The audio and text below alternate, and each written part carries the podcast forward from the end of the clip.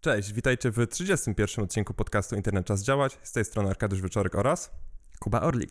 I w dzisiejszym odcinku mamy specjalnego gościa, doktora inżyniera Michała Rena z Zakładu Teorii Algorytmów i Bezpieczeństwa Danych na Wydziale Matematyki i Informatyki Uniwersytetu imienia Adama Mickiewicza w Poznaniu. Cześć. I z Michałem znamy się e, osobiście, także tutaj będziemy mówić sobie na ty w tym e, odcinku. Zanim zaczniemy mówić o blockchainie, który jest naszym dzisiejszym tematem, e, krótkie przypomnienie, że możecie nas słuchać na niekorpo platformach takich jak Funkway oraz PeerTube, do których linki znajdziecie pod opisem do tego odcinka, a także na naszym blogu. Tutaj chcielibyśmy Wam powiedzieć, że ten odcinek wyszedł znacznie dłuższy niż, e, niż, niż planowaliśmy. Pojawiło się tam wiele technicznych rzeczy, ale zachęcamy Was bardzo serdecznie do przesłuchania całości odcinka, ponieważ pomiędzy tymi technikaliami przeplatamy też e, warstwę bardziej zrozumiałą dla zwykłego e, słuchacza i też wyjaśniamy te pojęcia niektóre, które się pojawiły w trakcie naszego całego tutaj naszej dyskusji, więc zachęcamy Was do przesłuchania całości. W ostatnim odcinku opowiadaliśmy sobie o NFT. NFT są przechowywane na blockchainie i wspomnieliśmy wtedy tak tylko pobieżnie o tym, czym on jest i obiecaliśmy wam, że opowiemy wam więcej o tym, jak ten blockchain działa. Te obietnice dotrzymamy, ale tak nie do końca, bo to nie my opowiemy, tylko właśnie Michał, który jest tutaj zdecydowanie bardziej specjalistą niż my. Dlatego, um, Michał, hmm, jakbyś miał powiedzieć komuś, czym jest blockchain, to jakbyś zaczął krować Jakbyś zaczął tłumaczyć to? To zależy komu, bo gdybym mówił informatykowi, to powiedziałbym, to jest lista jednokierunkowa i byłoby wszystko wyjaśnione. e, ale i to tak naprawdę jest, tylko że tak. trzeba jeszcze wyjaśnić, co to takiego jest taka lista jednokierunkowa, bo tym się torturuje studentów informatyki, no ale ludziom się to może kojarzyć inaczej. W każdym razie, jak się zapisuje dane w systemach komputerowych, no to często zachodzi taka potrzeba, że jak się chce więcej danych zapisać, nie jest na początku znany rozmiar struktury, w jaką to chcemy wrzucić. Nie możemy sobie założyć na przykład, że zapiszemy 200 elementów, no i na tyle mamy miejsca. Więc trzeba budować takie struktury, które mogą się rozszerzać w czasie. No i listy są taką strukturą. Tylko tam z kolei taki wtedy problem występuje, że skoro nie wiemy na początku, jaki będzie rozmiar, no to jakoś trzeba nie pogubić tych wszystkich elementów. Trzeba wiedzieć, móc się odnieść, wiedzieć, kiedy się na przykład skończą, gdzie się coś zaczyna i tak dalej. Mhm. No i blockchain to jest specyficzny rodzaj listy właśnie jednokierunkowej. To jest taka lista, która jest bardzo użyteczna, jeżeli mamy strukturę, do której coś chcemy dopisywać, być może w nieskończoność. Mhm. Dlatego, że każdy następny blok, jak z nazwy wynika, zawiera tak zwany wskaźnik na poprzedni, czyli blok jest powiązany z blokiem poprzednim i nie jest e, w żaden sposób powiązany z następnym, bo go jeszcze nie ma, nie wiemy jaki to będzie, ale jest powiązany z poprzednim. I to jest wtedy użyteczne, jeśli chodzi właśnie o pisanie historii, Dlatego, że między innymi, na przykład, jeżeli te wszystkie bloki siedzą sobie w chmurze, a tak zwykle jest w mm, przypadku no, e, znanych nam blockchainów, to wystarczy, że się wszyscy zgodzą co do tego, który blok jest ostatni, i to znaczy, że wszyscy zgadzają się co do całej historii, jaka była zapisana. Dlaczego? No bo mają ostatni blok, on zawiera wskaźnik, jakby taki, no, pokazuje na poprzedni, identyfikuje jednoznacznie, który blok był poprzedni, a tamten blok identyfikuje blok jeszcze poprzedni, a tamten blok jeszcze poprzedni i tak dalej, i tak dalej, i tak dalej. Można tak dojść do samego początku. Mhm. Okay. No więc to byłaby taka dłuższa wypowiedź na temat blockchaina. Tak, no jakbyś, generalnie myślę, że jakbyś poszedł z tym do inwestorów i powiedział coś takiego, to raczej byś nie dostał milionów dolarów na inwestycje w to. E, słyszę się właśnie o takich zaletach, że to jest decentralizacja, że tam się wszystko samo weryfikuje, że to jest lepsze niż banki, że tam, że to tam, to na przykład jak NFT się tam umieszcza, no to po prostu to jest nie do podrobienia i tak dalej. Jak, jak, jak ma się to, o czym powiedziałeś, do, do tego, co ja powiedziałem teraz? No to zależy. Wszystkie takie rzeczy są możliwe i to znaczy można je zapewniać na jakiś sposób, no ale samo powiedzenie, że jest blockchain, to oznacza to, co mówiłem. Jest sobie lista jednokierunkowa. Mhm. Na przykład, no, e, hmm, to, że jest zdecentralizowana, no to jest bardziej zapewnione w blockchainach niż w takich klasycznych listach jednokierunkowych, jakie mamy w komputerach. No i ponieważ to może być w chmurze właśnie, to specjalnie tak było robione, żeby w chmurze mogło e, przebywać, no to decentralizacja jest na pewno łatwiejsza niż jakichś tam innych struktur danych. Ale nie musi wcale być zdecentralizowana. No wszystko zależy od tego, kto może dopisywać bloki do tego mhm. I kto te bloki przechowuje, bo to mówię, że może być w chmurze, ale wcale nie musi. Mogę sobie zrobić, no trochę jest, nie ma sensu nawet powiedzenie czegoś takiego, ale mogę zrobić prywatny blockchain. Może sobie siedzieć u mnie na komputerze i nikt inny nie musi go oglądać wcale. Czyli to jest tak, że blockchain mm, nie gwarantuje decentralizacji, ale w pewien sposób ją ułatwia, tak? Tak, tak bym powiedział. Okay. Mhm. Mhm. Czy być może decentralizacja jest tą cechą, która sprawia, że um, blockchain jest tak żyznym gruntem dla tematów takich jak kryptowaluty i różne takie tematy finansowe i te NFT? Przypuszczam, że tak. To znaczy, to hmm, w blockchainie można realizować ideę taką, która no, w kryptografii nazywa się bulletin board, czyli takie coś, do czego można dopisywać dane i nie można z tego ani zmienić nic tam, ani nie można zlikwidować. I takie coś wcale nie jest prosto zrobić, jeżeli ma to być właśnie zdecentralizowane. Mhm. Ale przy pewnych założeniach, używając blockchaina, no to takie coś właśnie można zrobić. Czyli możemy zrobić coś takiego, żeby pewna grupa osób, grupa podmiotów zgodziła się co do historii jakiejś, którą ktoś tam pisał. Mhm. Czyli jeżeli mamy um, tę historię i teraz opierając na przykład blockchain na jakichś transakcjach, to chcielibyśmy wycofać transakcję, to to nie jest proste, w sensie to jest niewykonywalne z punktu widzenia blockchaina. Tak, to znaczy, no oczywiście właśnie tutaj problem sprowadza się do tego, kto może i co dopisywać do blockchaina, dlatego mhm. że jak mówiłem, to jest tak, że tę chmurę można w pewnym sensie traktować tak, że to jest taki wielki worek i tam są sypywane te bloki. No i teraz to, że to jest blockchain, że to jest właśnie lista jakaś, która zapewnia powiązanie tych bloków, umożliwia jakieś stworzenie następstwa czasu, uzgodnienia między wszystkimi, że taka była historia w takiej kolejności. Mhm. A że blok, który ja gdzieś spróbuję sobie na przykład dopisać gdzieś tam, który nie spełnia pewnych reguł, które zależą od danej kryptowaluty, że on nie będzie częścią historii. Można jakoś to rozstrzygać. To też zależy od kryptowaluty i tak dalej, i tak dalej, i tak dalej. Więc między innymi to umożliwia zrobienie czegoś takiego, no, że ludzie mogą tam jakieś transakcje sobie między sobą robić. Te transakcje wpisuje się w bloki i potem nie można tego zmienić. No, his na historię się wszyscy zgadzają, a gdyby ktoś próbował to zmienić, dopisując na przykład inne bloki, dopisując jakąś inną historię, to i tu należy wstawić wyjaśnienie właściwe danej kryptowalucie. To mhm. byłoby mu trudno to zrobić, albo no, tam różne są mechanizmy stosowane przez różne kryptowaluty. Mhm. Czyli um, bo w rozmowach o blockchainie, zarówno w kontekście kryptowalut, jak i pisania aplikacji opartych o, o blockchain, słyszę, że ludzie mówią, bo na blockchainie to to blockchain wszystko weryfikuje, więc tam nie można oszukać. I wszystko, co jest w blockchainie, no to to jest, znaczy, to jest prawda. No blockchain, no sam z siebie blockchain nic nie weryfikuje. Blockchain to są po prostu dane jakoś uporządkowane, ale zapewne to jest taki skrót myślowy, myślę sobie, jeśli na przykład załóżmy, że mamy blockchain, na którym jest zrealizowany bitcoin, no to wszyscy, którzy są uczestnikami tego systemu, są pełnymi węzłami tak zwanymi, czyli no, biorą pełny udział w protokole bitcoin, ci, którzy dopisują kolejne bloki właśnie i tak dalej, to oni wszyscy weryfikują, czy to, co zostało wpisane w blok, spełnia jakieś tam warunki. Jeśli je spełnia, no to będą uznawali, że ten blok jest częścią historii. Jeśli nie spełnia, to nie, to taki blok będą odrzucali. No więc to też nie, się nie robi samo. To jest na przykład w Bitcoinie to jest tak, że ci, którzy kopią Bitcoina, czyli tam próbują pewne obliczenia wykonać, mniejsza z tym, próbują dopisać kolejny blok.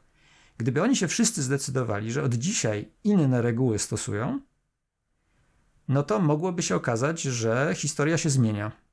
Mhm. Także to nie jest, no, no, samo się w blockchainie nic tam nie weryfikuje. No to robią ci, którzy uczestniczą w tym protokole, który blockchain umożliwia. Ta weryfikacja wychodziła czasem e, w blockchainie w sytuacjach, kiedy mówimy o takich rzeczach jak łańcuch dostaw. Um, że mm, to może gwarantować autentyczność pochodzenia produktu dla klientów, bo mogą sobie zobaczyć w blockchainie, jak ten projekt, jak ten produkt przechodził od, od producenta aż do samego sklepu. Czy, um, czy to faktycznie może mieć takie zastosowanie? Nie. Cieszę się, że mogłem pomóc. E, no, przykro, przykro mi, że rozwiewam być może jakieś złudzenia, to znaczy można, można sobie wpisywać historię jakichś produktów w blockchain i to mhm. może mieć sens, jeżeli e, szczególnie jeżeli są to produkty, w których bardzo ściśle się kontroluje łańcuch dostaw, nie wiem, części do samolotów na przykład, to one tam mają każdy, kto taką część w jej drodze od fabryki do samolotu macał w ogóle, to tam się wpisuje różne mhm. rzeczy i tak dalej. Mhm. No to można to robić w blockchainie ale ktoś może tam wpisać coś, co jest nieprawdą. Jeśli ma prawo tam wpisywać, no to zostanie to wpisane i co? A to nie przejdzie weryfikacji wtedy. No dobrze, no to, ale to pytanie jest o tę weryfikację. Nie wiem, jak, nie wyobrażam sobie, jak mogłoby to być zrobione. Jeśli na przykład no, producent wpisuje, że wyprodukował część i pozwalamy temu producentowi i weryfikujemy, że to producent rzeczywiście wpisał, to był on, a nie ktoś inny, mhm. no to jak producent wpisze, że wyprodukował coś, a nie wyprodukował, no to to i tak będzie w blockchainie. Że informacja, że on wyprodukował, mimo tak. że nie wyprodukował. Tak. Mhm. No więc no, nie ma jakiegoś fizycznego połączenia blockchaina z tymi częściami. No więc. Czyli no, blockchain weryfikuje niektóre... co de facto? Hmm. To, że, to, że zgodzili się ci, którzy tworzą tego blockchaina, na wpisanie tych rzeczy, które są tam wpisane. Że nikt tego nie zmieniał potem.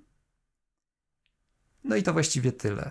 Że nikt nic nie usuwał, to jest też zmiana. Czyli co do zasady, to, to, to nawet nie jest weryfikacja, tylko tak naprawdę obopólna zgoda wszystkich, którzy wpisują coś do, do tej listy, do tego blockchaina. No, czy, czy, czy zgoda wszystkich? Też mogę sobie wyobrazić blockchainy, w których zgoda jest części osób, zresztą właściwie mhm. no, w blockchainach istniejących to też nie jest zgoda wszystkich, to jest zgoda ich większości. Mhm. Na przykład w Bitcoinie tam ponad 50%, jeśli się ma, no to się może kontrolować to, co jest wpisywane do blockchaina. Mhm.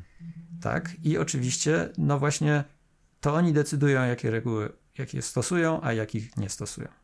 Także to jest temat troszeczkę oddzielny od blockchaina samego. Mhm. Oczywiście stosuje się fajne techniki kryptograficzne, żeby to się wszystko dało zrobić, no ale to, to również zależy, jaki blockchain rozpatrujemy. Okej, okay. więc Michał, opowiedziałeś nam mniej więcej o, o, o tym, czym jest faktycznie blockchain, czym nie jest i że weryfikacja to tak naprawdę zachodzi na poziomie nie samego blockchaina, tego, że jest jakaś zgoda pomiędzy jakimiś osobami, y, w przypadku kryptowalut na przykład, że co do czegoś się zgadzają i tak dalej. A więc mamy to sektor kryptowalut, ale czy widzisz jakieś rozwiązania w innych sektorach y, branży, gospodarki i tak dalej, które faktycznie Mm, blockchain mm, jest lepszym rozwiązaniem niż wszystkie poprzednie rozwiązania, czy jest gdzieś na przykład jakieś rozwiązanie, które już dobrze działało i tam niepotrzebny jest blockchain, a jest na przykład na siłę wpychany? No, usługi notarialne na przykład myślę, że mogłyby na tym zyskać i ich pochodne, mhm. Czyli takie coś, w którym uwierzytelniamy jakieś dane, to znaczy potwierdzamy, że jakieś dokumenty istniały w jakimś momencie. Mhm. I to może służyć do wielu rzeczy, no tak jak notariusz robi rzeczywiście, ale też na przykład dajmy na to, żeby uwierzytelnić, że zdjęcie zostało zrobione w tym momencie i jest w takiej postaci i tak dalej, i tak dalej. Mhm. To do takich rzeczy jak najbardziej. Mhm. A do wielu innych, do których się tego używa, no mam wrażenie, że, że jednak nie. To znaczy, mhm. że jest to robione na siłę, ale to już o tym robiliście nawet odcinki. A masz no, Także okay. myślę, że no, nie ma co. Myślę, że pijesz do NFT, ale masz jeszcze na myśli jakiś kon konkretnie jakąś inną, inną branżę, e, do której to e, w ogóle się nie ima, że tak powiem? No jakąś rejestrację produktów, na przykład właśnie o tym też było przed chwilą, mhm. no, kolekcjonerskich jakichś i to mm, oczywiście mm, byłoby bardzo fajne, tylko że jak mówiłem, no nie ma połączenia fizycznego między blockchainem a czymkolwiek innym. Mhm. No więc i na tym się pomysł rozbija w zasadzie. Słyszałem o takim rozwiązaniu, że można byłoby wszywać na przykład, nie wiem, w jakieś te sneakersy od Nike, um, można byłoby wszywać tagi NFC z NFT um, i one by jednoznacznie wiązały ten but z tym tokenem. Czy to by miało sens? No przecież tego taga mógłbyś wykroić z tego buta i... No i znisz niszcząc but, nie? Okej. Okay. Mm. Być może miałoby to sens. No właśnie widzę od razu taki problem, że tak naprawdę to wtedy tego taga e, jakoś wiążemy z blockchainem, a nie boot. Co więcej, no to zależy też od bezpieczeństwa tych tagów. Akurat tagi NFC bywa z tym różnie. Wydaje mi się, że można by pokusić się o tworzenie duplikatów i nie byłoby to aż takie strasznie trudne. No, a jak Przynajmniej... ale na przykład no, karty takiej płatniczej nie jesteśmy w stanie zduplikować, nie? Bo ona ma w sobie jakiś sekret. Um, który nie jest transmitowany, tylko na coś tam. Znaczy się, to... wydaje mi się, że technicznie jest to wykonywalne, aczkolwiek jest to trudne, bardzo trudne praktycznie. Tak, tak, kryptograficznie właśnie tak, tak powinno być, natomiast jeżeli się ma w ręku tę kartę i zacznie się tam ją dziubać mikrosondami jakimiś, odczytywać z niej różne rzeczy, o i to nie wiem, czy tak łatwo by to wyszło. Większość takich y, urządzeń, które właśnie mają jakieś sekrety w sobie, jest mhm. tak zabezpieczona, że no one są, to się mówi, że są tamper evident, a nie tamper proof czyli że widać po nich, że ktoś do nich wszedł i wydarł z nich sekret, mhm. a nie, że nie da się wydrzeć tego sekretu. W praktyce bardzo trudno jest coś fizycznie zabezpieczyć, także ktoś, kto posiada to coś, nie jest w stanie dostać się do środka. Mhm. mhm. Okej, okay. czyli no de facto to byłoby znaczne utrudnienie w takim fałszowaniu, czy nie? No być może, tak, możliwe. Mhm. No, jeśli by się to rzeczywiście tak rozwiązało, że ale się czy, Ale właśnie, bo się wtedy zastanawiam, bo wtedy mamy te całe bezpieczeństwo oparte o, ten, o te tagi zbliżeniowe, ale czy blockchain coś tu pomaga? No, trochę, może trochę, to znaczy tak, bo można by podobnie zrobić tak, że po prostu w każdym takim bucie e, zaszylibyśmy jakiegoś taga NFC, który miałby swój tam klucz, który jest podpisany przez producenta. I widać, że to jest jeden mhm. unikalny but i że to naprawdę producent zrobił tego taga NFC, ponieważ to podpisał. I do tego nie jest wymagany wtedy żaden blockchain, mhm. komunikacja z chmurą, z internetem i tak dalej. No ale być może ktoś chciałby śledzić historię tego. Mhm. I wtedy rzeczywiście blockchain by się przydał. Ja myślę, że właściwie nie wiem, nie znam się tak bardzo na rynkach kolekcjonerskich, także nie wiem, jakie potrzeby mają ludzie, którzy są w to zamieszani. Mhm. Mi się wydaje, że można, jeśli się już ma jakąś elektroniczną warstwę powiązaną fizycznie z takim butem, mhm. no to można by użyć znanej kryptografii asymetrycznej starych mechanizmów, czyli na przykład podpisu cyfrowego, mhm. żeby producent zamieszczał na takim bucie certyfikat swój. Okay. I to mniej więcej na to samo wyjdzie. Nie będzie zaraz widać historii tego. Można by, to byłoby dużo wydajniejsze w ogóle rozwiązanie. Można by historię oczywiście powiązać z danym przedmiotem i te historie mógłby na przykład przechowywać producent. No i wtedy, gdybyśmy chcieli coś takiego, to mielibyśmy ryzyko, że producent nagle zwinie się, zbankrutuje, mhm. zostanie przejęty i przestanie prowadzić tę historię czy coś takiego. A gdybyśmy mieli blockchain, to nie. O ile oczywiście ktoś ten blockchain by utrzymywał. Mhm. Bo to też trzeba o tym pamiętać, że mówimy, o, blockchain jest w chmurze, w chmurze jest. Ale chmura to jest po prostu inne określenie na komputery innych ludzi. Mhm. I ci inni ludzie muszą mieć jakiś interes w tym, żeby trzymać dane na tych swoich komputerach. Też to się różnie realizuje w zależności od blockchaina, no ale jakoś trzeba o to zadbać. To się samo nie robi.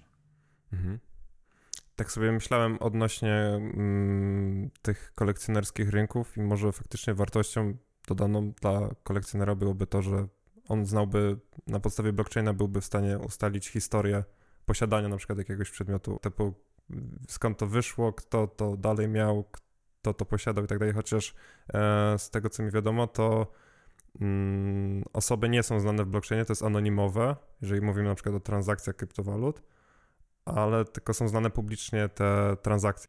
No to, to zależy, znowu zależy jaki blockchain. No mhm. Jeśli byśmy na przykład wyobrazili sobie, że państwo stworzy swój blockchain e, z jakichś powodów, na którym zapisuje dokumenty obywateli, mhm. każdy dowód osobisty jakby jest powiązany z osobą, zapisuje się na blockchainie, mhm. no to wtedy będzie znana tożsamość. Mhm. W większości kryptowalut oczywiście tak nie jest. Kryptowaluty są, o tym mówimy, znaczy no, są nawet bardziej anonimowe, ale te bardziej znane, na przykład Bitcoin, to są pseudonimowe. Czyli widzimy, że ktoś coś tam zrobił, ale nie mamy powiązania tego ktośa mhm. z imieniem i nazwiskiem. Mhm. Są takie kryptowaluty, które zapewniają jeszcze silniejszą anonimowość. W każdym razie nie widziałem blockchaina, który e, jakoś rzeczywiście wiązałby E, imię, nazwisko, jakieś dane mm, osobowe z danymi kryptograficznymi jeszcze. Mhm. Były o tym rozmowy, takie są dyskusje na temat, żeby na przykład na blockchainie wiązać jakieś dane biometryczne, dane osobowe i to by pomogło w dokumentowaniu e, osób, które straciły dokumenty, są uchodźcami, są w takich tarapatach. Mhm. I Więc można sobie taki blockchain też wyobrazić. czy to byłby pożyteczny blockchain? Być może. Znowu wracamy do tego, że no ktoś musi do tego blockchaina coś wpisywać. Mhm. Musimy, no, to, to że, że dane są przechowywane w jakiejś liście, no to jeszcze nie czyni ich przydatnymi. Trzeba by zatroszczyć się o to, żeby rzeczywiście one były właściwe. Trzeba rozważyć, kto powinien mieć prawo wpisywania tych danych. Trzeba pomyśleć, kto by ten blockchain utrzymywał i tak dalej. No można sobie wyobrazić, gdyby się na przykład, nie wiem, wiele państw za to wzięło, że byłoby to użyteczne. Hmm. Tylko z punktu widzenia państw, nie wiem, czy państwa poszłyby na coś takiego. Niektóre rzeczy to państwom by utrudniło. Na przykład utrudniłoby wystawianie fałszywych dokumentów, Mhm. co państwa regularnie robią, na przykład służbom. Mhm.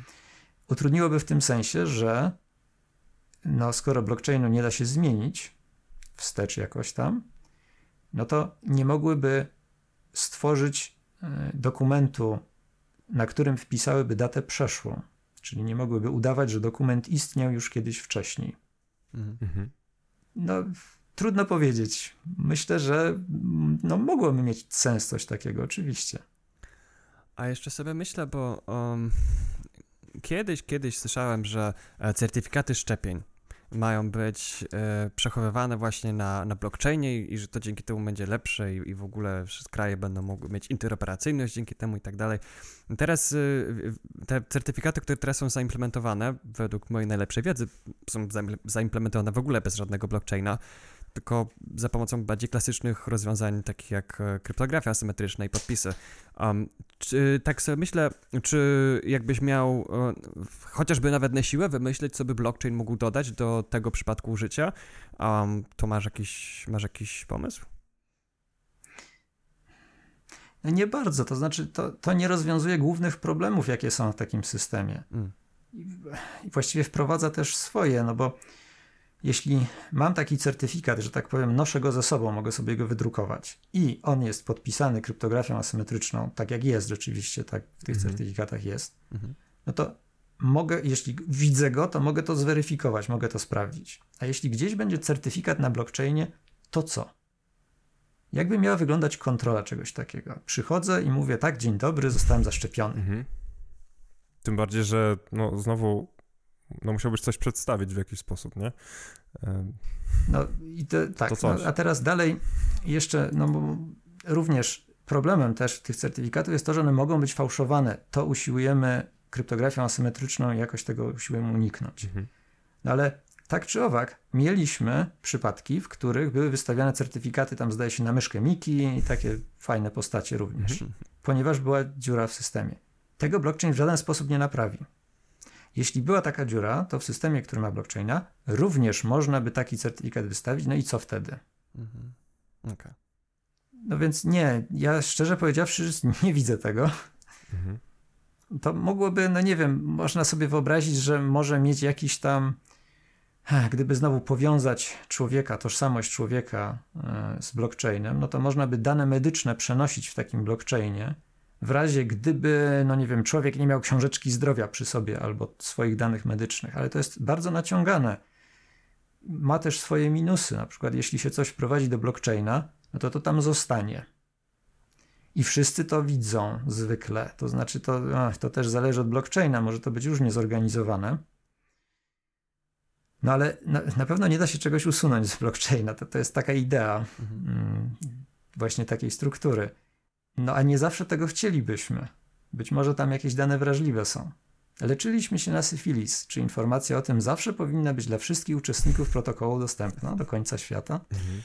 No i tutaj właśnie przychodzą mi do myśli e, wszystkie pomysły odnośnie mm, tworzenia sieci społecznościowych opartych o blockchain. Web 3. Web 3.0, tak, super. E, właśnie, to jest pierwszy jaki argument, to dlaczego nie, to właśnie upublicznianie na przykład jakichś danych wrażliwych, czegoś, czego nie chcielibyśmy upublicznić, e, no i nie usuniesz już tego, nie, z blockchaina, po prostu to pozostanie. No, dalszy argument to jest też taki, że kto będzie trzymał te wszystkie mhm. dane. Mhm bo no Facebook to już liczy swoje serwery raczej w kilometrach kwadratowych, a nie w mhm. liczbie takiej normalnie. Po prostu ma ogromne serwerownie, które to wszystko trzymają, no i to się opłaca, bo a to już mówiliście o tym, dlaczego się to Facebookowi opłaca. Mhm. E, ale jeśli zrobimy to na blockchainie, no to musi być też co najmniej jeden podmiot, który będzie to wszystko trzymał, albo może to być jakoś rozproszone na podmioty, no ale na pewno nie będzie mniej konieczności trzymania mniejszej liczby danych mhm. niż poprzednio. Mhm. No a zapewne będzie tam jakaś duplikacja. W skrajnych przypadkach, no w takich sieciach jak na przykład Bitcoin, każdy węzeł całą historię przechowuje u siebie. Każdy uczestnik zna całą historię tej sieci od początku świata. Mhm. To, to jest, jakby każdy musiał mieć swoją kopię Facebooka. Mhm. To trochę dużo. Mhm. A ile zajmuje taka cała historia Bitcoina? 300 giga, ponad pewnie 300 gigabajtów w tej chwili. No i tylko ciągle rośnie. Mhm, okay. Czyli jeżeli chcielibyśmy coś weryfikować, prawdziwość czegoś w blockchainie, musimy zaglądać do poprzedniego bloku, czy idziemy dalej w głąb? No to zależy znowu, bo teoretycznie, no dobrze, odwołam się znowu do Bitcoina, no teoretycznie na przykład tak, mhm. ale klient Bitcoina, oficjalny klient Bitcoina, Bitcoin Core, ma zaszyte też pewne bloki, tak, stan jakby sieci w pewnym momencie, mm, więc okay. gdyby ktoś mhm. zmienił początek, to i tak to zauważy, nawet gdyby ktoś przepisał Bitcoina zgodnie ze wszystkimi regułami, mhm, mhm. to klient i tak by to zauważył. Ale w teorii taki model bezpieczeństwa zakłada, że tak, że trzeba wszystko od początku przejrzeć. Mhm. mhm. No znowu, być może można sobie wyobrazić sieci, które by tego nie miały, chociaż w tej chwili trudno mi to zrobić. To znaczy, eh, jakby to powiedzieć, no co najmniej trzeba przejrzeć wszystkie bloki od początku. I można zrobić taką jakby weryfikację uproszczoną, która byłaby bardzo szybka, nie wymagałaby pobrania wszystkich bloków i tylko mówiłaby, tak, pozostałe węzły sieci zaakceptowały te bloki. Mhm. Ale gdybyśmy chcieli rzeczywiście być pełnoprawnym uczestnikiem protokołu, który działałby zgodnie z modelem bezpieczeństwa, czyli no właśnie weryfikowałby wszystko to, co do blockchaina się dostało, no to powinniśmy to zrobić rzeczywiście, więc powinniśmy przez wszystko przejść, przez całą historię. Mhm. Jak, taki, jak taki skrót wygląda w blockchainie? W sensie to jest jakiś hash, to jest jakiś ciąg znaków, który definiuje to, że to są tak, poprzednie bloki? to znaczy, no zwykle się robi tak, że bierze się, że w pewien sposób z całego bloku tworzy się hash. To może być, to nie jest takie zupełnie idealnie proste, mhm. w sensie, że po prostu się bierze to po kolei, co tam jest zapisane i haszuje, tylko czasami się robi bardziej skomplikowane mhm. rzeczy, mhm. ale w każdym razie to jest też cecha charakterystyczna. Ona nie jest konieczna może, żeby blockchain był blockchainem, ale dużo blockchainów tak właśnie postępuje, że ten wskaźnik na blok poprzedni, o którym mówiłem, to jest tak naprawdę hash poprzedniego bloku. Mhm. I e, identyfikatorem bloku w takim blockchainie jest hash tego bloku. Tak się zwykle robi w takich systemach. Myślę, że warto, żebyśmy poświęcili chwilkę na wytłumaczenie, czym jest hash, jak już tego słowa tak hojnie używamy. Ha, hash, albo inaczej skrót po polsku, to jest mm, wartość, która wynika z przepuszczenia jakichś danych przez funkcję haszującą, taką specjalną funkcję, która służy do tego, żeby dowolną ilość danych zamienić na skrót, na, na hmm, pewne też dane, ale stałej długości, w taki sposób, żeby nie było za łatwo określić, co to były za dane e, ok, to w kryptograficznej funkcji skrótu. Przepraszam, że używam tyle żargonu, ale muszę się ściśle wyrażać. Dla funkcji haszującej, takiej normalnej, jest istotne, że łatwo ją policzyć i stałej długości skrót z siebie daje.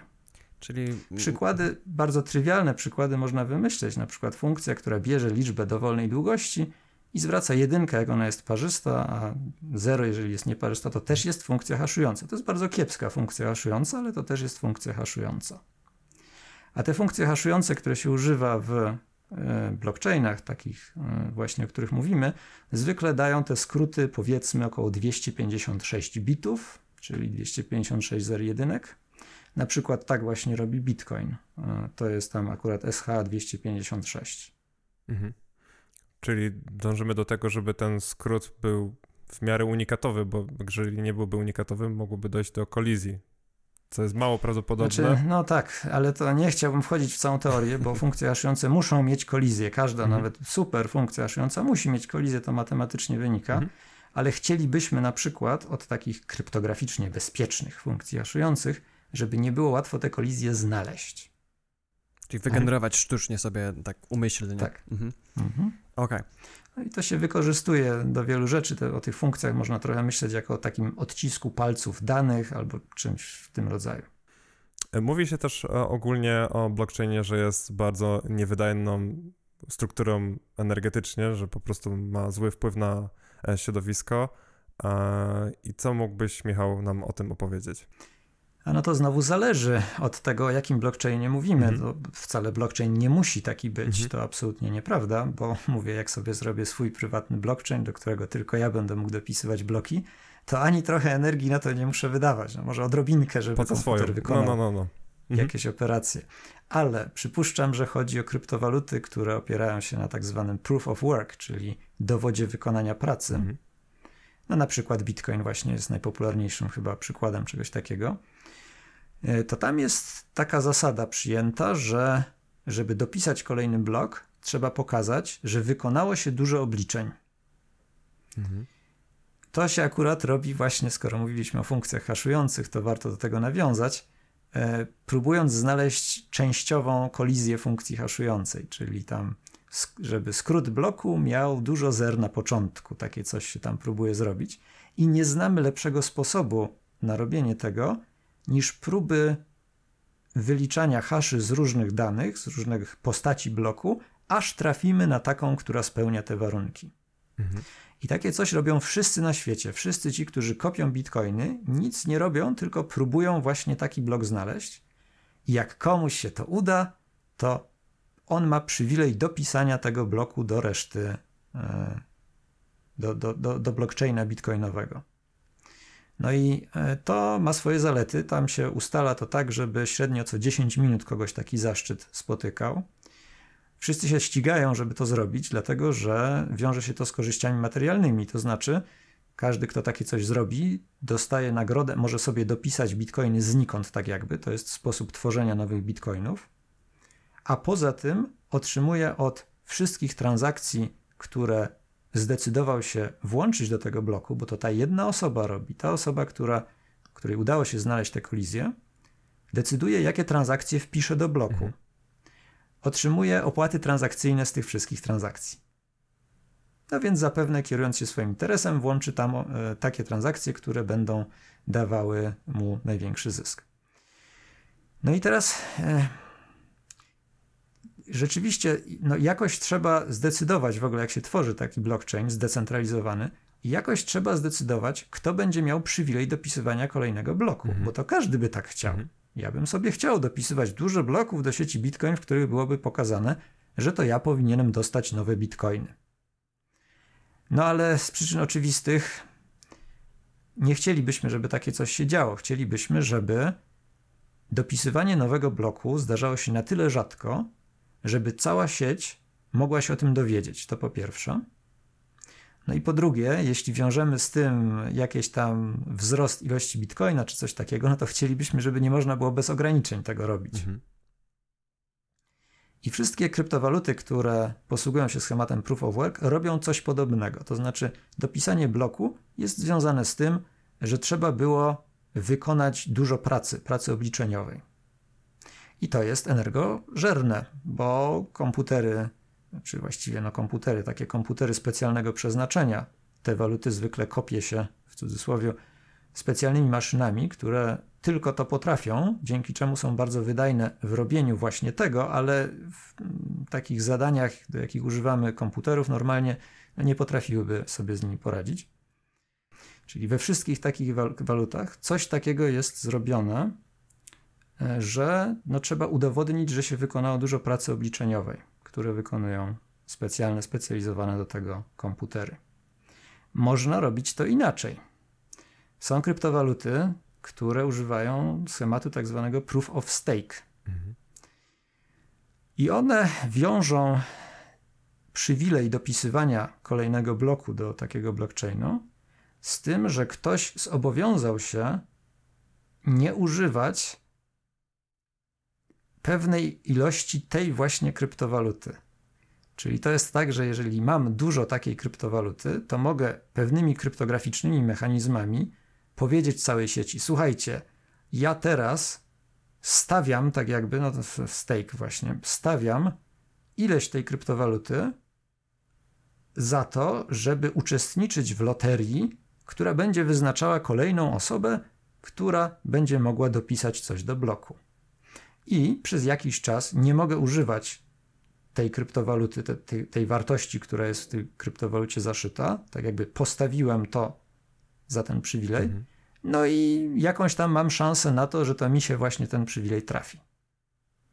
Także to jest wtedy możliwe, to nie wymaga dużo mocy obliczeniowej. Moim zdaniem to jest błędny model tworzenia takiej sieci, ponieważ nie daje takiego bodźca do utrzymywania integralności tej sieci, jak powinno. To znaczy, daje to, y, opieramy swoje przekonanie, że to będzie działało, na tym, że ktoś, kto postawił dużo kryptowaluty, którą ma w takiej sieci, mhm.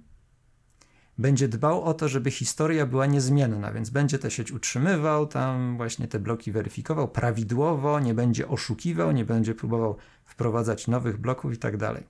Tylko, że problem z tym zawsze jest taki w tych schematach, że to działa, no dopóki ktoś nie wyprowadzi wartości z tego blockchainu. Co znaczy wyprowadzić wartość blockchainu? Zamieni tę kryptowalutę na bitcoina i tyle go widzieli na przykład. Na bitcoina? Pozbędzie się tej kryptowaluty w każdym razie. Albo na gotówkę na przykład jakoś. Na gotówkę, okay. tak. Znaczy pozbędzie się kryptowaluty, tej kryptowaluty. O to mi tylko chodzi. Dlatego, że wtedy taka osoba no przestaje już mieć jakikolwiek interes w tym, żeby ta sieć była otrzymywana, a w którymś momencie historii tej kryptowaluty ona miała postawione dużo tej kryptowaluty na to, żeby uczestniczyć tam w tej loterii. Więc ona może jakby, ponieważ nie ma takiego sposobu, no, wyobraźmy sobie przez chwilę, jak ta kryptowaluta wygląda. To jest wór jakiś wielki z blokami i wszyscy muszą się zgodzić, jak wyglądała historia. No to teraz nie ma sposobu takiego, żeby widząc tylko taki wielki worek z latającymi blokami, mhm. powiedzieć, że ta osoba kiedyś miała te, e, postawiła kiedyś tę kryptowalutę, ale teraz już jej nie ma, więc teraz w tym momencie czasu nie powinniśmy jej pozwalać dopisywać bloków w tym momencie, jak miała tyle tej kryptowaluty.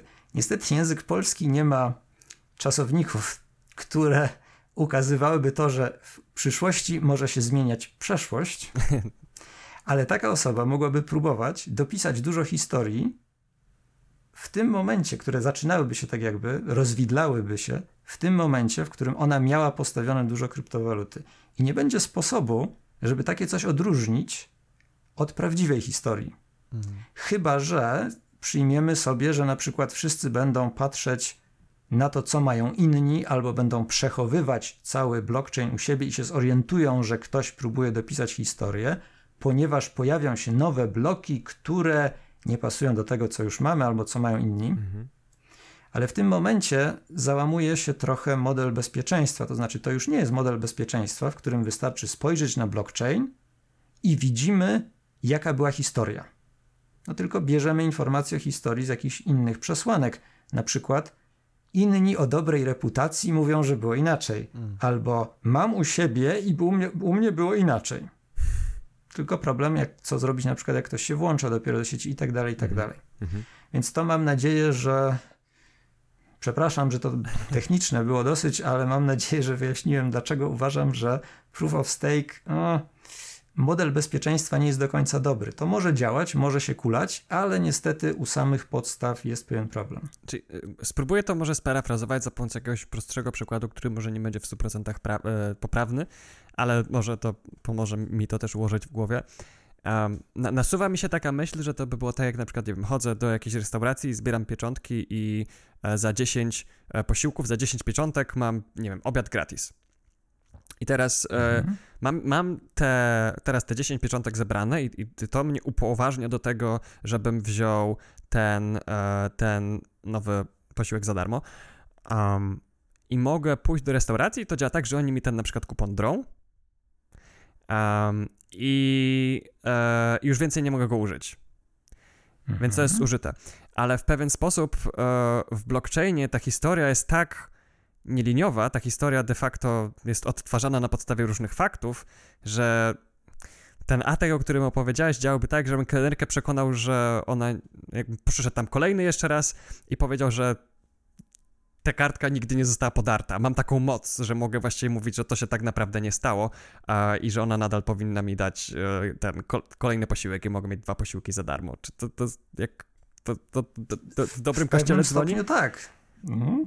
Ja bym zaczął jeszcze mówić, że tam chodzi o to, żeby potrzeć się pod tę kelnerkę, albo najlepiej tego, co drze te kartki i okay, tak naprawdę okay. właśnie nie potrzeć okay, i tak dalej, ale tak, to mniej więcej jest coś, coś takiego można by robić. To znaczy, normalnie wierzy się, że osoba, która właśnie dlatego powierzamy taką moc, no, w pewnym stopniu szansę na tworzenie historii takiej osobie, która postawiła swoje pieniądze na to, dlatego że ona postawiła swoje pieniądze. No to mhm. przecież swojego mhm. nie będzie niszczyć sieci, bo gdyby zniszczyła tę sieć, to znaczy spowodowałaby, że nie możemy ufać tej sieci, no to by straciła te swoje pieniądze. Ale no właśnie. Ale ona sobie te pieniądze mogła wyprowadzić da. i można mhm. cofnąć ten fakt, że ona te pieniądze sobie wyprowadziła z, z, bazy danych. Można go cofnąć, ale nie cofnie się tego, że on już ma tę kasę, którą sobie wyprowadził. Tak, ja, to jest, wiem, wiem, to jest dosyć skomplikowane. Jeśli ja od razu się przyznaję, że nie, nie czytam Twittera i takich rzeczy, jeżeli Arkadiusz i Kuba będą mi podawali komentarze, które ktoś powie, to jestem ciekaw, czy ktoś się ze mną nie zgodzi, ale mam nadzieję, że na tyle ściśle to wyjaśniłem, żeby wiadomo było, z czym trzeba się nie zgadzać, gdyby ktoś uważał, że proof of stake może mieć dobry model bezpieczeństwa. Tak, no, e, no tak, no też, e, hmm, te, też nie jesteśmy, w, w, nie korzystamy teraz z medium, czyli podcast, tam e, vlog, które idealnie umożliwia wytłumaczenie tego, no tutaj trzeba było mieć jakąś tablicę, jakieś wizualizacje i znacznie więcej czasu i jeszcze znacznie większy background, ale myślę, że w pewien sposób możemy rozwiązać niektóre nieporozumienia, które dotyczą tematów związanych z blockchainem, z bitcoinem i tak dalej. A jeden z naszych e, patronów na naszej grupie patronowej, do której chętnie Was zapraszamy, o tym będzie na samym końcu, e, zapytał, czym są smart kontrakty w blockchainie i myślę, że tutaj Michał będzie idealną osobą do tego, żeby wyjaśnić, e, na czym polegają smart kontrakty. Na blockchainie, jak mówiłem, można różne rzeczy umieszczać. W kryptowalutach to są często transakcje, czyli takie dokumenty w formie, że przekazałem tej osobie tam tyle i tyle. Mm. Ale można również inne dokumenty umieszczać. I jeśli są tam, jest tam dokument w postaci kodu wykonywalnego, no to mówimy o tym, że to są smart kontrakty mhm. po prostu. Co to znaczy, to że znaczy, kod wykonywalny? To są takie dane, które jakoś uczestnicy wszyscy tego protokołu wiedzą, jak zinterpretować, jak wykonać. Ich komputery coś tam zrobią. Okay.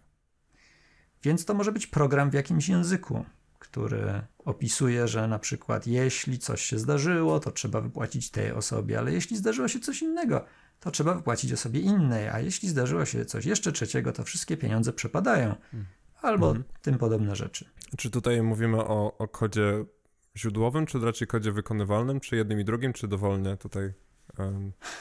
To zależy, zależy od blockchainu. Mhm. E, no, zwykle to jest tak, że języki, których się tam używa, są dosyć specjalizowane a kod, jeśli jest jakiś taki bardziej, e, no, e, potrafi więcej, e, w sensie, że ojej, pozwolę sobie wam powiedzieć to formalnie, jeśli ma moc maszyny Turinga taki, taka sieć, no to wtedy zwykle tam jest jakaś maszyna wirtualna, na której się taki kod wykonuje. To trzeba w ogóle powiedzieć sobie, że tak naprawdę od strony technicznej, bo mówi się często, że Bitcoin na przykład jest taki prosty i tam nie ma smart kontraktów. Większość smart kontraktów, o jakich się słyszy w tej chwili, jest oparta na sieci Ethereum. Mhm. Ale w Bitcoinie transakcja to też jest program w bardzo specjalnym języku, który no, powstał, służy do tego, żeby opisywać transakcje, i on nie ma mocy maszyny Turinga, w nim nie można wykonywać dowolnych programów. Dlaczego? To jest i w ogóle jest wiele kryptowalut, które coś takiego mają i tam celowo jest zubożony język, żeby nie można było wykonywać programów ogólnie takich, e, e, takich programów, do jakich przyzwyczailiśmy się myśleć o nich jak programach, które potrafią takie rzeczy robić, jak programy, które znamy. Mhm. Dlatego, że to niesie ze sobą problemy bezpieczeństwa. Przede wszystkim można by zrobić program, na przykład, który by się nigdy nie kończył. I co wtedy?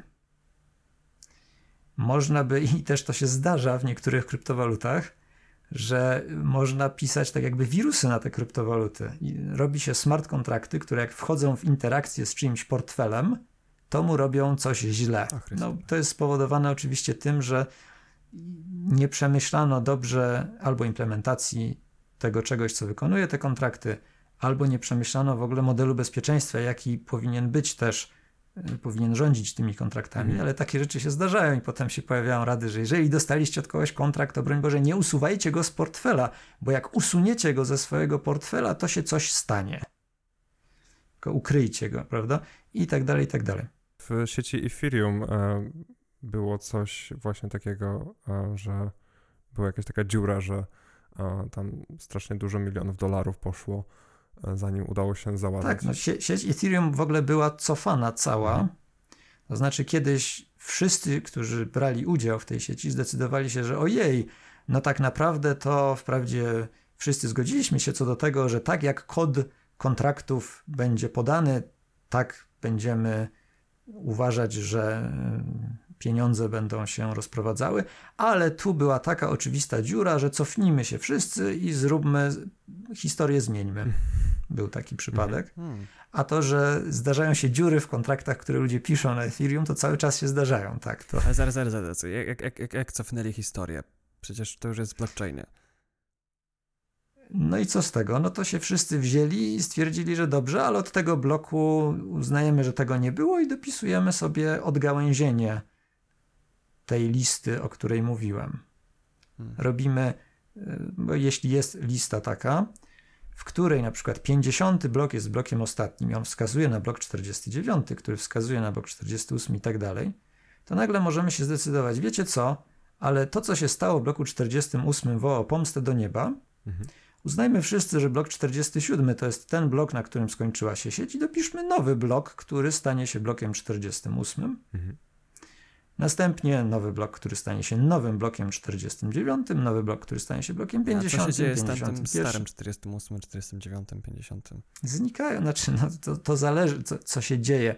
Być może ktoś je przechowuje, być może latają sobie, są w tej chmurze przechowywane, w której są przechowywane wszystkie bloki w tym wielkim worku z blokami być może gdzieś sobie latają, mhm.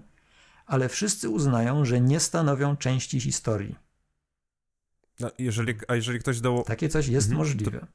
Co do zasady, jeżeli ktoś dołączył w tym bloku 49 wadliwym łańcuchu, no to mhm. mógłby na przykład po prostu tracić pieniądze, tak?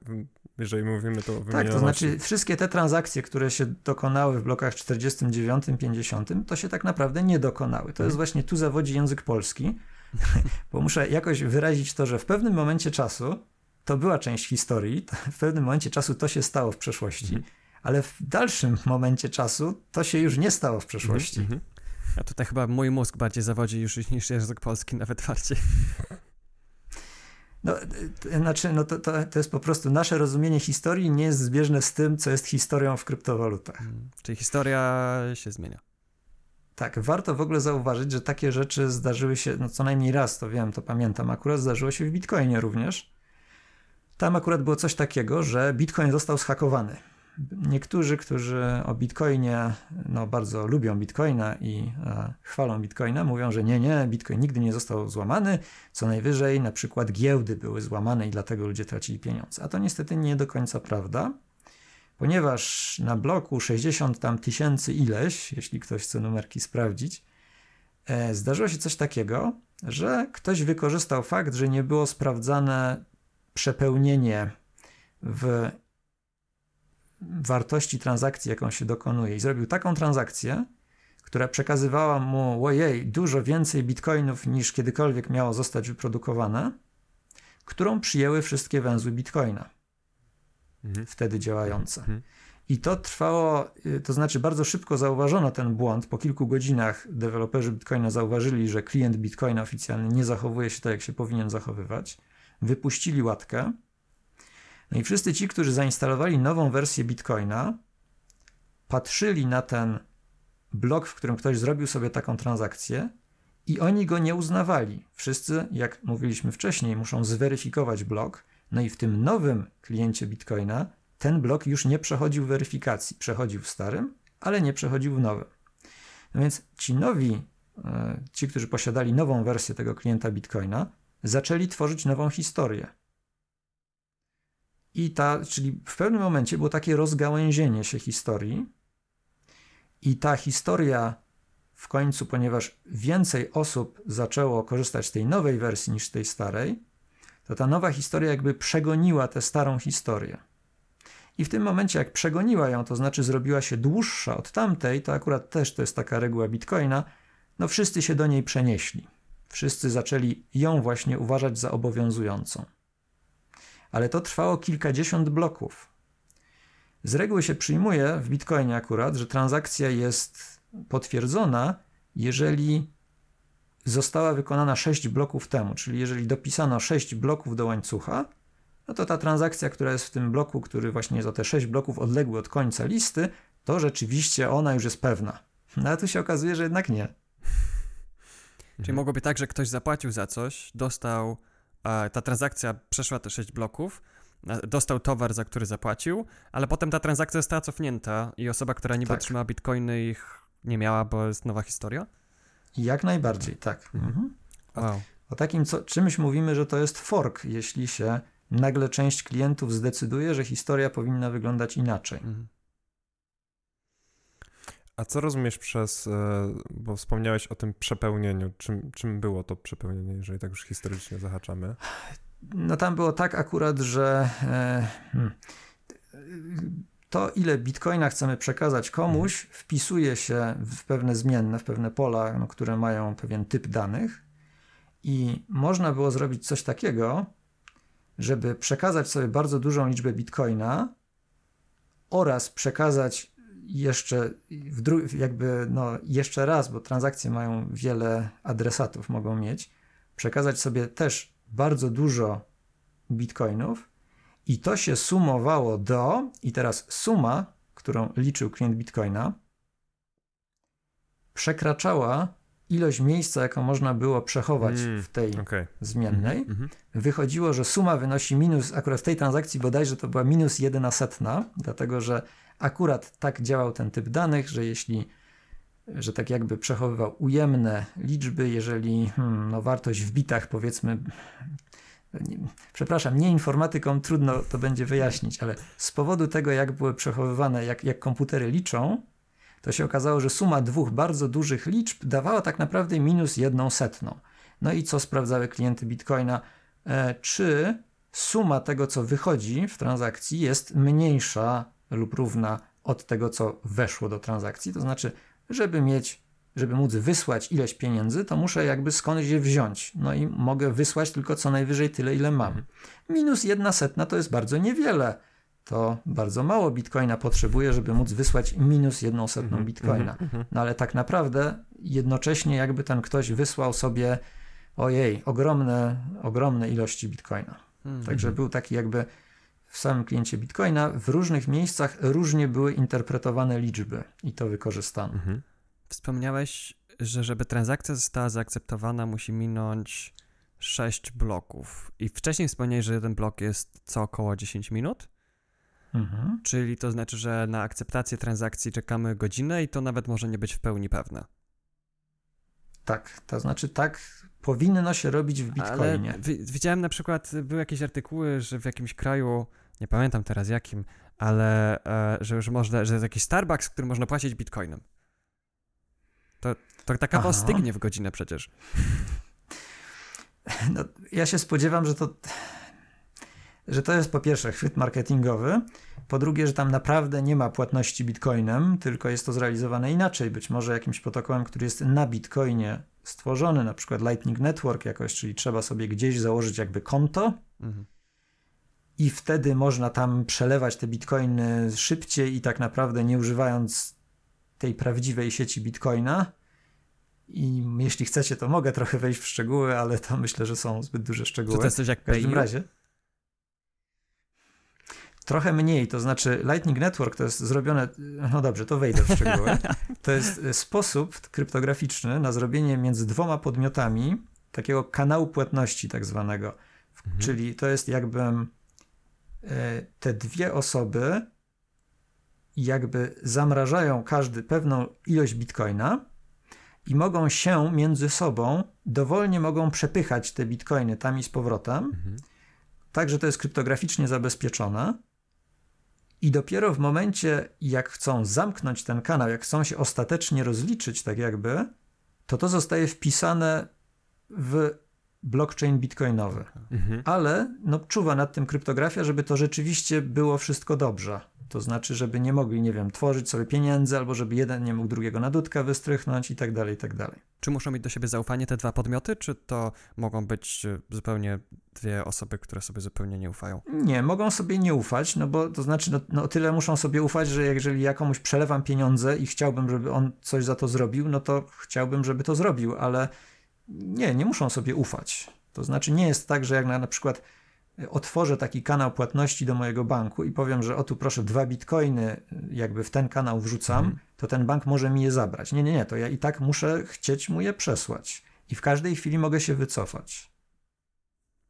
No ale jak na przykład e, płacę za kawę yy, u Starbucksa i on dostaje, i płacę za pośrednictwem tego Lightning Network. No i płacę tam ileś tam bitcoinów za tę kawę yy, i dostaję kawę i idę. No i w tym Lightning Network jest e, zapisana ta transakcja, ale ona jeszcze nie jest w blockchainie. No to prawda, ale jak takie coś zrobiłem, to teraz już nie mogę, jeżeli na przykład poświęciłem dwa bitcoiny na otwarcie tego kanału i coś tam zapłaciłem, to już nie mogę wyjąć z niego dwóch bitcoinów, no, tylko będę mógł mniej wyjąć. Mhm. Ale nadal może być tak, że... Yy, aha, okej, okay, okej, okay. więc to jest też tak, że taki proof of stake jakby? Nie, nie, nie. No, no bo jest nie, jakaś stawka, nie jest, na początek. Proszę, no, to, y, są takie, no mówi się na to kanały płatnicze, więc myślę, że y, to może być jakaś taka, y, no, no, można sobie tak to wyobrażać, że tworzę jakby sobie taki osobny, osobną umowę z kimś, z jakimś podmiotem. Generalnie to będzie coś takiego, że zwykle pewnie nie będę tworzył sobie ze Starbucksem takiego czegoś, mhm. tylko będę tworzył sobie właśnie z PayU na przykład taki kanał, i jakoś tam Starbucks się umówi z PayU, a ja będę w, wtedy, jak będę tę kawę potrzebował, wysyłał do PayU to, co trzeba, no i oni tam jakoś to sobie między sobą załatwią. Oni sobie może już ufają na przykład. Okay. Mhm. To jest po prostu taki sposób, żeby właśnie nie trzeba było całego mechanizmu Bitcoina, pełnej weryfikacji przez całą sieć, przez wszystkich na świecie weryfikować mojej transakcji za kawę. Dlaczego wszystko zatem nie jest e, realizowane na takim Lightning Network? No bo to ma sens, to jest sposób na scentralizowanie bitcoina jakby trochę. Hmm. To nie ma sensu, jeżeli z każdym podmiotem musiałbym otwierać taki kanał płatniczy. Jeżeli y, każdą transakcję swoją musiałbym poprzedzić otwarciem kanału do takiej osoby, hmm. to to nie ma sensu. No równie dobrze mogę im po prostu przekazać bitcoiny. Okay. E, natomiast jeśli otworzę taki kanał do mojego banku, mm-hmm. a ta druga osoba ufa temu bankowi, no to ja sobie tam mogę przepychać w tej z powrotem do mojego banku bitcoiny, oni sobie mogą przepychać i to nie będzie zaśmiecało blockchainu. Ponieważ pamiętajmy, że w bitcoinie model bezpieczeństwa zakłada, że wszyscy znają wszystkie transakcje, jakie się zdarzyły w bitcoinie od początku świata i muszą je przeglądać i weryfikować. Każdy uczestnik Bitcoina musi znać wszystkie transakcje, jakie się kiedykolwiek dokonały w Bitcoinie. Mhm. Więc jeden z naszych patronów, również e, tutaj Agnieszka, nasz, nasza patronka, zadała pytanie, jak to w ogóle się dzieje, że ludzie ufają w kryptowaluty. Jak to jest w ogóle możliwe? No to już to, to pytanie trochę niekryptologiczne. Mogę spróbować na nie odpowiedzieć, ale no to a, a dlaczego ufamy zwykłym walutom na przykład? No właśnie, nie? To, to... to jest, to jest poważne mhm. pytanie, to znaczy to każdy siebie może mhm. zapytać, dlaczego na przykład za papierek, który ma napisane 100, a jest jakoś tam emitowany przez Narodowy Bank Polski, są w stanie zrobić więcej niż za papierek, który ma napisane 100, ale na przykład wyemitował to podcast ICD. No właśnie. A może niektórzy mają odwrotnie. No, mówimy w ogóle na takie waluty, jakimi się posługujemy na co dzień, waluty fiducjarne. To znaczy oparte na wierze. Mhm. One nie są. Kiedyś waluty miały tak, że one miały oparcie w czymś innym, w złocie na przykład. Można było do ojej, 71 roku iść z dolarami do Banku Centralnego Stanów Zjednoczonych i powiedzieć: Poproszę tyle złota, ile te banknoty są warte. I ta wartość to nie było tak, że się zmieniała jakoś tam, znaczy, no dobra, ona się zmieniała w czasie dekretami, Mhm. ale każdy dolar był warty tyle i tyle złota. To było ściśle zdefiniowane. Ale to, był, to była ostatnia waluta, przynajmniej ostatnia powszechnie używana, taka, którą znam, która miała oparcie rzeczywiście w jakichś surowcach. To się skończyło w 1971 roku i od tego czasu na świecie używamy właściwie wyłącznie walut fiducjarnych, czyli takich, które są warte tyle, ile są warte, ponieważ wierzymy, że są tyle warte. Czy zatem Bitcoin jest fiducjarny? Bo też to jest oparte o wiarę, czy nie jest?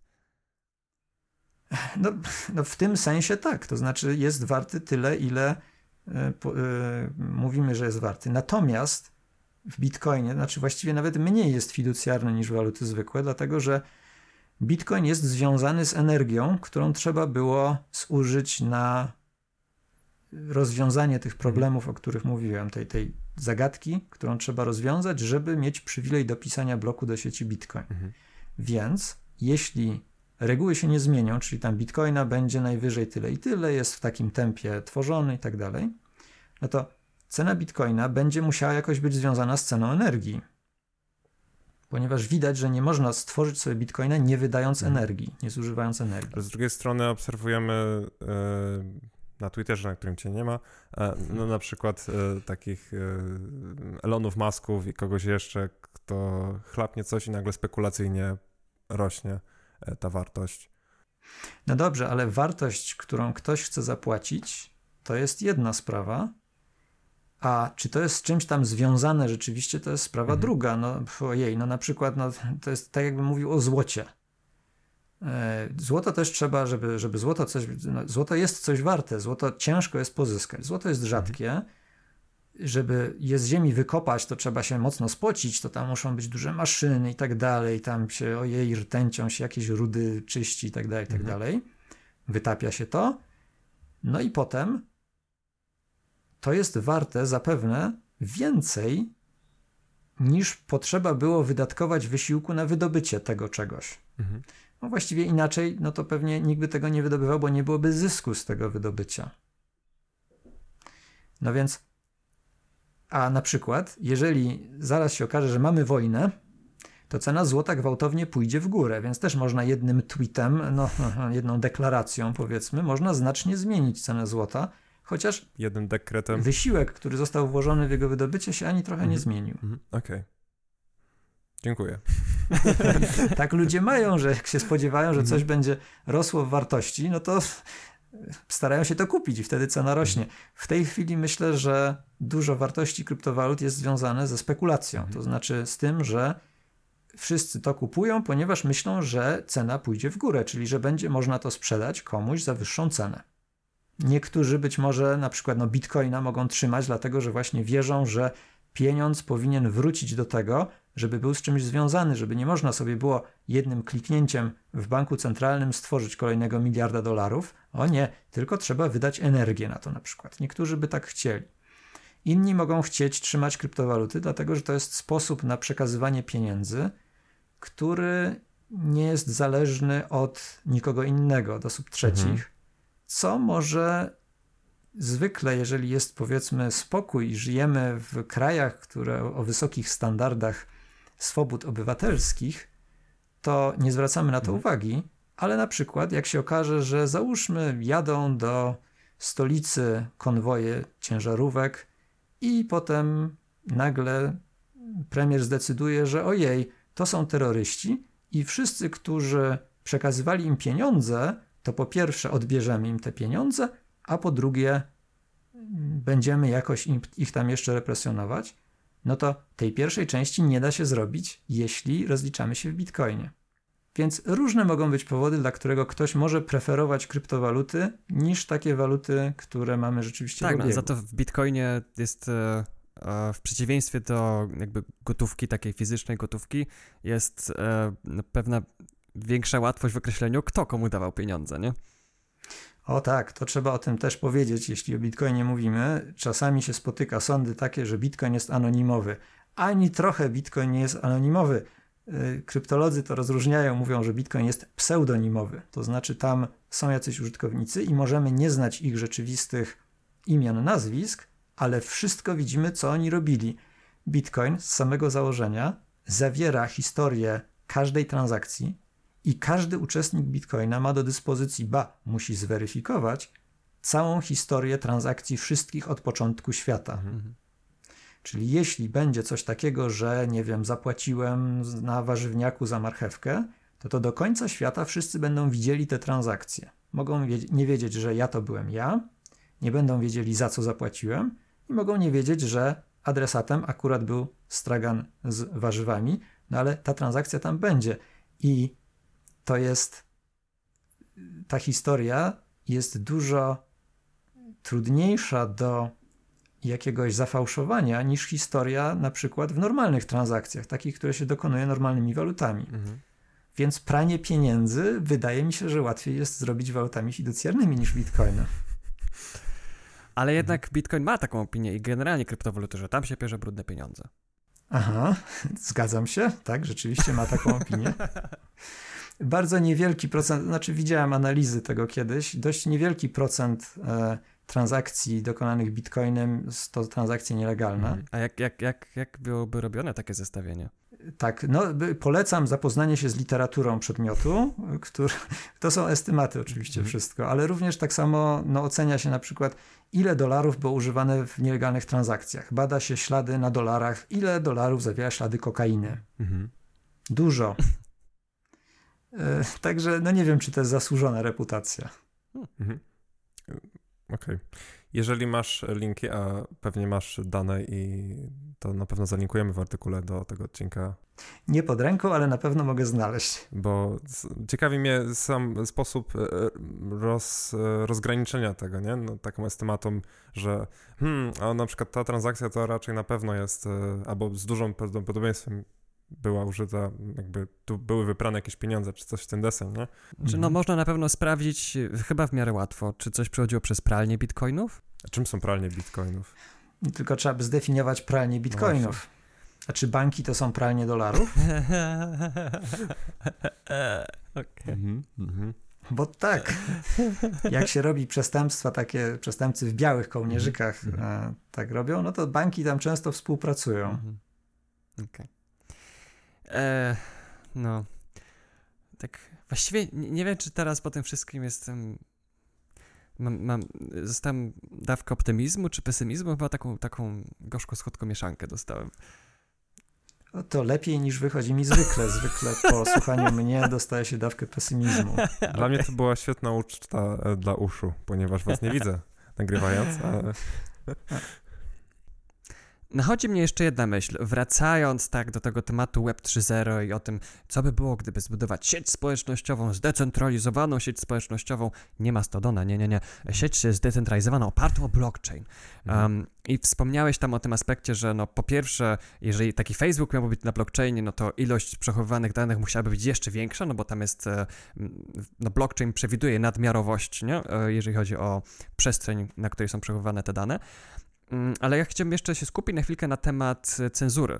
Moją największą obiekcją, jak teraz patrzę na to, co, jakie gwarancje daje blockchain, no to problem z tym, że jest niemożliwe albo bardzo, bardzo, bardzo trudno jest coś usunąć. Czy widzisz być może jakiś sposób na zaimplementowanie sieci społecznościowej opartej o Web 3.0, um, opartej o blockchain, e, w taki sposób, że jak ktoś umieści mój adres zamieszkania, to mogę na przykład publicznie, że każdy go sobie może przeczytać, to ja mogę coś z tym zrobić, na przykład, nie wiem, nadpisać to albo usunąć to, czy to już będzie do końca świata wszystkim znane. No, oczywiście można by sobie wyobrazić taki blockchain, który dopuszczałby usuwanie. Mhm. Ale natychmiast powstaje pytanie, kto może i w jakiej sytuacji usuwać? Mhm. jeśli dopuścimy, że dane mogą być usuwane, to wtedy dane będą mogły być usuwane i nie wiem, czy o taki blockchain nam chodzi. Także no, na przykład wtedy cenzura jest bardzo prosta, wystarczy usunąć wszystkie dane. Mógłbyś też być, Kuba, częścią tej sieci społecznościowej i przekonać wszystkich e, uczestników, albo przynajmniej 50%, jeżeli takie byłyby zasady, że e, ten blog jest nieważny i stworzyć nowy, w którym byłby tak. inny adres. Mama się pyta, czemu kupujesz 100 kart graficznych? A ja powiedziałem, no bo zrobiłem literówkę na social media i chcę usunąć ten post. Trochę sobie tego nie mhm, wyobrażam mm -hmm. właśnie. Czego sobie nie wyobrażasz? No takiego modelu, to znaczy myślę, że kupowanie kart graficznych w budżecie dostępnym dla zwykłego śmiertelnika nie wystarczyłoby, żeby poprawiać taką sieć. Tak, tak, tak. Na, a, to, to, tak. to, był żart, jakby co. Tak, okay. tak, ale no właśnie. A, a gdyby założyć, że od mocy obliczeniowej zależy możliwość takich poprawek, bo być może tak można by założyć, no to wtedy mógłbyś poprawiać też nie swoje literówki. A, a nie dałoby rady zrobić takiego leczenia, które pozwalałby mi tylko poprawiać moje literówki? No oczywiście, można by, no, tak, można by zrobić, tylko że chyba, chyba zrobiłoby się to wtedy tak, że wszyscy i tak wiedzieliby, że popełniłeś literówkę, ale wiedzieliby też, że ją poprawiłeś, jeśli miałby to być blockchain. Mhm, ale wiedzieliby, jaka no by to była literówka? No skoro, znaczy no to, to, to zależy też dokładnie od definicji blockchaina, jaką przyjmiemy, ale jeżeli blockchain to jest takie coś, w którym tylko możemy dopisywać dane, to no to cała historia tam będzie. Mhm, okay. czyli, jest, czyli dopisywałbym blok, w którym mówię wam, w którym mówię wam, że tutaj jest nowa wersja tego mojego posta, ona jest to ta, którą chciałem, a ta, która jest tam wcześniej, gdzie jest mhm. uotwarta, powinno być uzamknięte, to, to, to, to tego mojej pani od polskiego z podstawówki nie pokazujcie. Na przykład. I oni, tak, i oni mnie będą słuchać, bo ludzie sobie ufają i, i, wszyscy są dla siebie mili. Czyli w takim modelu ten, te, taka sieć społecznościowa to tak naprawdę byłby taki prywatnościowy disaster. To po prostu byłby e, no, coś okropnego, nie? Bo skoro nie mógłbyś tego usunąć w takiej definicji blockchaina, nie? Ja jestem kryptologiem, ja żyję w świecie, w którym jeśli się coś umieści w internecie, to to tam zostaje na zawsze, tak, przynajmniej no. należy tak przyjąć, mhm. więc dla mnie nie ma dużej różnicy. Okay. No chociaż my mamy Web Archive, nie? Chociaż nawet z Web Archive można wnioskować o usunięcie treści, więc... A z prywatnych archiwów wielu podmiotów nie, bo nawet nie wiemy o tym, że one istnieją. Mm. No jak się upubliczni jakąś informację, to niestety każdy mógł się tego dowiedzieć. Mm. Ale z jakiegoś powodu uderza mnie to bardziej, że blockchain wręcz gwarantuje wtedy tę nieusuwalność. To jest jakby, tak, to no jest bo... źle, mm -hmm. jeszcze troszeczkę bardziej źle niż źle. Tak, tam są gwarancje, a normalnie nie ma gwarancji. Może na przykład opublikowałeś tę swoją literówkę i nikt cię nie przeczytał, ponieważ nikt cię nie zna, jesteś zupełnie niepopularny. Mhm, mhm. No tak, nie, widziałeś ile mamy wyświetleń? nie, nie, To nie, nie, nie patrz. Nie używam social media. Okay. Nie wiem jak dla was, ale dla mnie to była uczta dla moich uszu, ponieważ nie widziałem ani Kuby, ani Michała przez całą naszą tutaj rozmowę, patrząc tylko w kamerę. E, wy, wy, będziecie widzieć wszystkich oprócz Kuby, któremu się skończyło miejsce na, w tym momencie, na, na, na, albo przed chwilą, bo nie wiem dokładnie kiedy, e, na jego telefonie.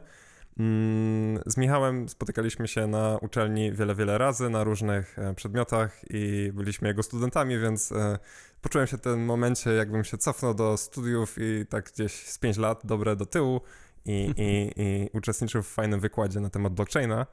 E, więc bardzo serdecznie Ci dziękujemy, Michał, e, za to, że byłeś u nas gościem w naszym podcaście.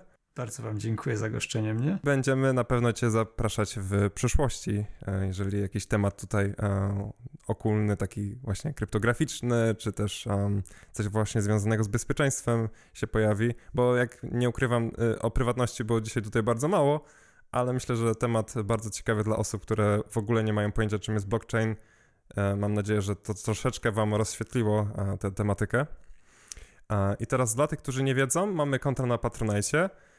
Jeżeli chcielibyście dołożyć się cegiełką do naszych działań i wspomóc nas finansowo w tworzeniu kolejnych materiałów, czy też produkcji wtyczki, na którą pracujemy, wiem, nie opublikowaliśmy jej z początkiem lutego, ponieważ zmieniliśmy trochę koncepcję, dlatego żeby ta wtyczka była precyzyjną, precyzyjnym orężem do zgłaszania podmiotów trzecich i Przyszły nam takie nowe, zarąbiste pomysły i po I też prostu bez feedback otrzymaliśmy od paru osób, które zajmo- mm, oglądały wersję beta, także i jeszcze troszeczkę nad nią popracujemy, więc nie będziemy deklarować konkretnej daty, ale pojawi się.